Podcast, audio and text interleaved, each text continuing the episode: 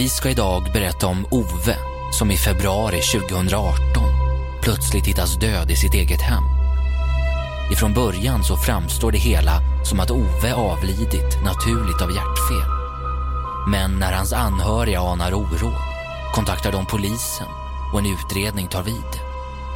Det ska visa sig att Ove blivit förgiftad och bestulen på flertalet av sina ägodelar. Men varför? Och av vem?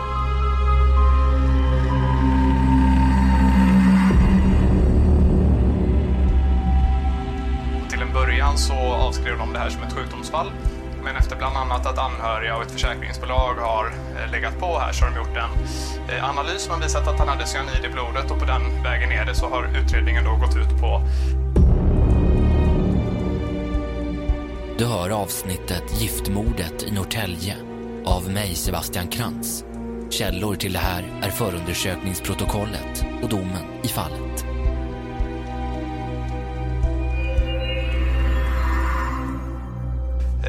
Eh, att få det bevisat att det var hon som förgiftade honom. Eh, Och exakt hur bevisen ser ut får jag återkomma lite om, men Norrtälje tingsrätt tycker i alla fall att det är bevisat då, och fäller henne för mord. Och nu har han dömts till... eh, 16 års fängelse.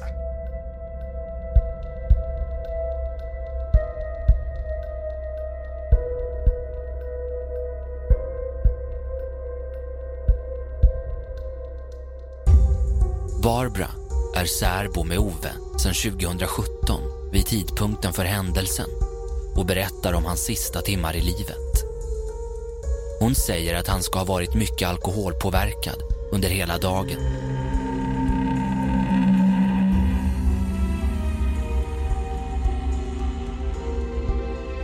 Han ska också ha kört motorcykel och då tappat sin mobiltelefon. 20 minuter i sju på kvällen så somnar Ove vid köksbordet. Barbara som då är hemma ringer Oves granne som kommer och hjälper till. Vi väljer att kalla grannen för Erik.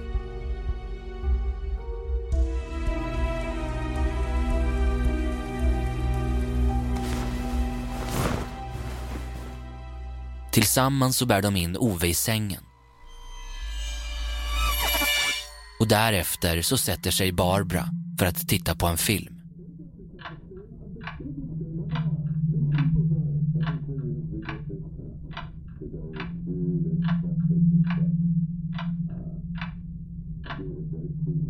När filmen är slut har klockan hunnit bli 22.56 när hon återigen ringer grannen.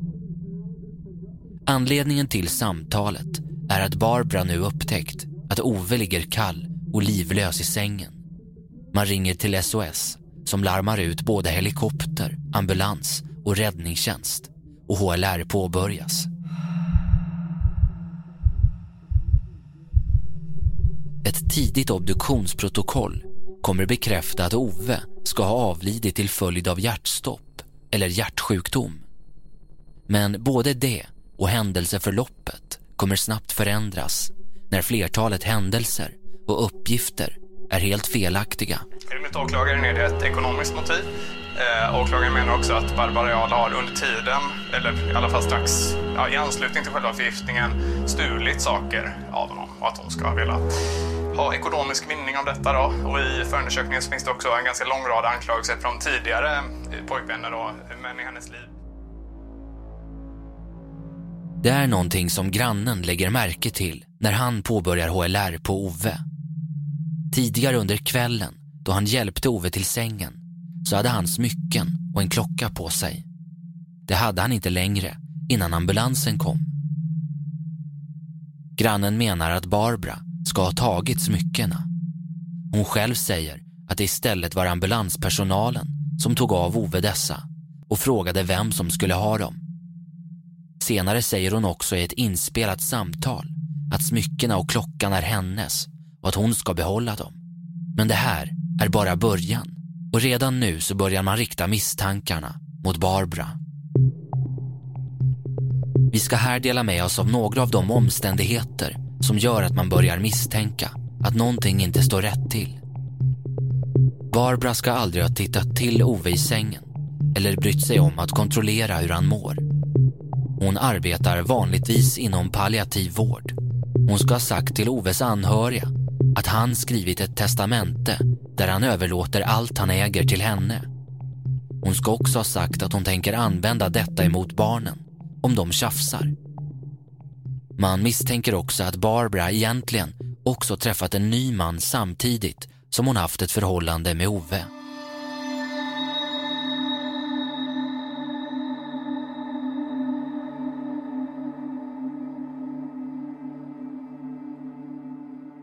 Och dessa två ska ha, vi citerar, tasslat i den guldsmedsbutik som Ove äger. Det är också med denne man som Barbara kommer med till Oves begravning. Cirka fem månader hinner passera efter Oves död. Den 11 juli 2018 skriver en av hans döttrar ett mejl till Grova brott i Sollentuna efter att ha fått obduktionsprotokollet. I detta protokoll så framgår det uppgifter om att Ove ska ha dött en naturlig död där man tror att det beror på hjärtfel. Men dottern har misstankar om att någonting ändå är fel och begär att följande toxiner eftersöks. Digitalis, kalium, resin, övriga gifter och slutligen cyanid. Anledningen? Barbara arbetar inom vården och kan lätt komma åt olika preparat. Man vill nu undersöka om fallet kan vara så att hon kan ha förgiftat Ove. Hon ska vid flera olika tillfällen tidigare ha erbjudit både Ove och andra av hans vänner olika preparat. Så att åklagarens linje är att det här är liksom ett systematiskt beteende för henne att stjäla av män. Men sen har hon då gått ja, ett stort steg längre den här gången får man säga. Då. Mm. Vad säger hon själv om, om det här? Eh, hon nekar till allting och har inte haft något med det här att göra. Då. Den 21 februari, kort efter händelsen, så åker Oves barn till Kungsholmen och faderns guldsmedsbutik. Dagen innan har någon ändrat kod till larmet och man misstänker även Barbara för detta. Nu uppger Barbara också att hon vill köpa ut landstället där Ove avled och även butiken. Man upptäcker också snart att en container fylld med Oves tillhörigheter plötsligt är försvunnen. Det är en rad olika föremål såsom oljemålningar och en Rolex-klocka som nu är stulna och stöldanmälan riktas mot Barbara.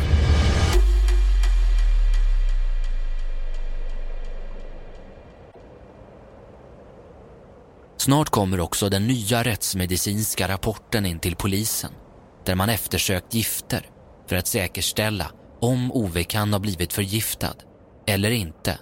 Och fyndet är chockerande. Mycket riktigt så finner man 2,4 mikrogram cyanid per gram lårblod, vilket är en dödlig dos. Man ändrar nu rubriceringen naturlig död till att Ove högst troligast avlidit till följd av cyanidförgiftning. Och polisutredningen tar en snabb vändning. Nu handlar det inte bara om stölder eller tvister eller om vem som skulle ärva vad. Plötsligt har man ett mord att utreda. Ämnet cyanid. Vid intag av cyanid i fast flytande form vid temperaturer under 26,5 grader måste detta tas upp via tarmkanal för att sedan brytas ner i levern. Det tar några få minuter innan giftet börjar verka. Men det kan ta timmar innan personen som blivit förgiftad avlider. Nu ställer man sig frågan hur en person kommit över ämnet. Men vid närmre utredning så står det klart varifrån man fått det. Det är nämligen just natriumcyanid som bland annat används för att utvinna guld och silver ur mineraler. Ove ägde innan han dog en guldsmedsbutik.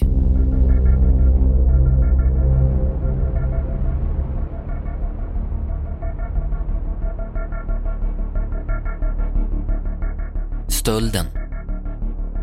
Polisen börjar nu rikta starka misstankar mot Barbara. Hon var den personen som senast såg Ove i livet. Hon är också en av dem som har tillgång till guldsmedsbutiken som hon nu också säger att hon vill ta över. Hon försöker dessutom övertala Oves barn att sälja hans andra tillgångar till henne. När man börjar spola tillbaka tiden och återgår till en händelse 2016 så blir Barbara ännu mer intressant.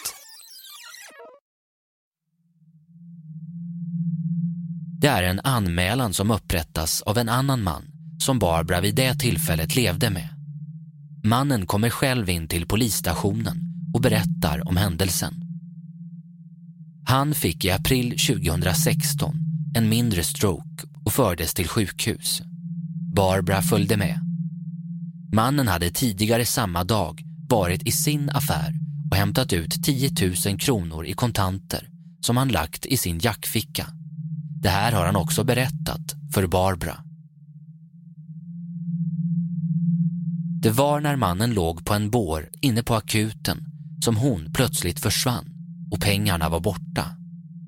Samme man har då också tidigare gjort en anmälan gällande stöld från hans butik. Även den anmälan riktad mot Barbara. Men det slutar inte där. Samma år gör en annan man en anmälan gällande stöld. Den här gången gäller det en låda med guldsmycken och annat gods. Dessutom ska Barbara ha fått mannen att låna ut hela 543 000 kronor till henne genom vilseledning.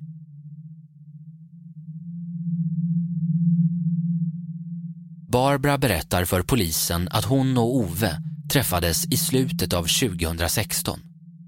Året därpå inledde de sitt förhållande. Från juni 2017 så blir hon anställd på Oves guldsmedsbutik och får löner på uppemot 15 till 20 000 kronor.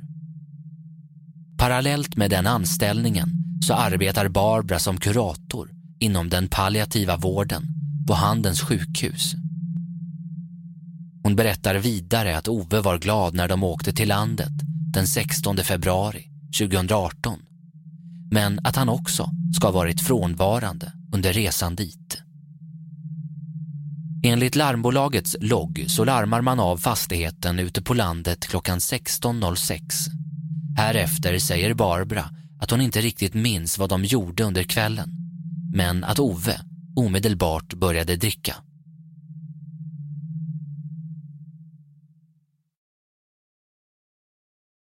Morddagen den 17 februari 2018.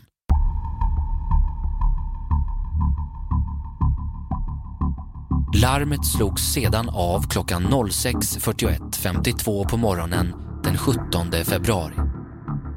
Normalt brukade Barbara och Ove vakna samtidigt.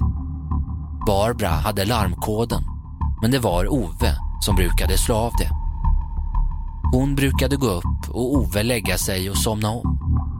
Oftast brukade Ove dricka direkt på morgonen och äta frukost. Senare under dagen så ska Ove ha försökt laga en motorcykel men inte lyckats och då har blivit mycket deprimerad enligt Barbara. Hon säger att han sen ska ha varit hos grannen och när han kommer tillbaka så ska han ha druckit ännu mer. Hemma vid bordet så dricker Ove öl och Jäger och när grannen som varit på besök gått därifrån så äter Barbara och Ove middag. Men mestadels så ska Ove ha druckit. Detta ska inte vara ovanligt enligt Barbara. Dagen passerar och ingenting särskilt händer mer än att Barbara uppger att Ove verkar ha fått i sig för mycket alkohol. Så mycket att han plötsligt somnar med huvudet mot köksbordet. Det är då hon ringer grannen som kommer och hjälper henne med Ove in i sovrummet.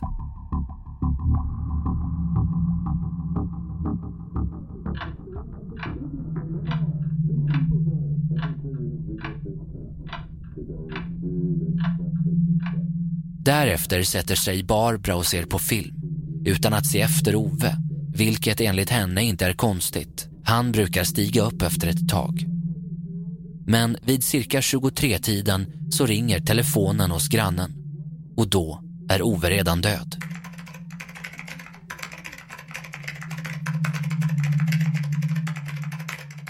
Under mordnatten så väljer Barbara att skriva ett mejl till sina släktingar. I mejlet står det bland annat att han avled för exakt åtta timmar sedan. Men i förhör uppger hon att Ove troligtvis dött vid 23-tiden när hon hittade honom. Den tiden stämmer inte. Däremot kommer hon närmre tidpunkten för ett mord i sitt egna mejl. Det här visar också att Barbara är medveten om att Ove högst troligast dessutom är död redan innan hon väljer att kontakta grannarna.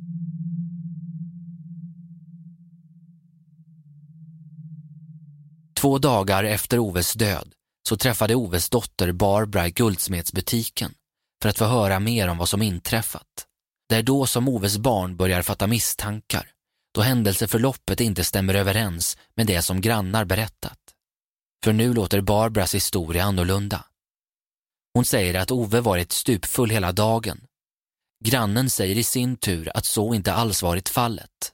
Att han faktiskt inte alls varit särskilt berusad. Vilket också obduktionen bevisar.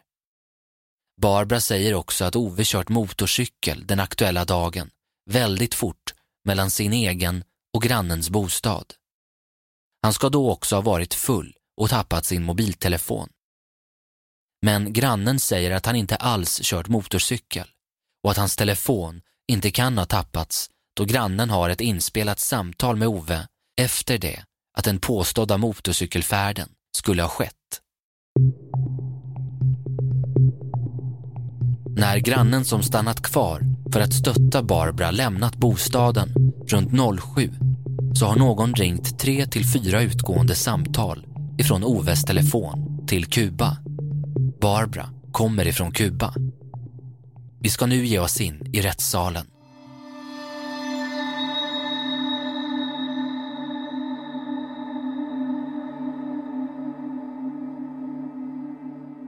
Som det framgår så kan cyanid inte under någon längre tid, i vart fall inte under dagar, lagras i kroppen. Vid vittnesförhöret med en annan guldsmed så framkommer det att guldsmeder mycket väl känner till riskerna med cyanid och att om huden kommer i direkt kontakt med cyanid så räcker det med att noggrant skölja bort det. Barbara har vid huvudförhandlingen ofta avböjt att svara på åklagarens frågor, men svarat på vissa. Hon har vidgått att hon och Ove var tillsammans i huset från cirka klockan 18 fram tills han avled. Hon har varken vid dödsfallsdagen eller senare själv sagt något om att Ove ska ha begått självmord eller att det befunnit sig någon annan person i huset efter det att grannen var där.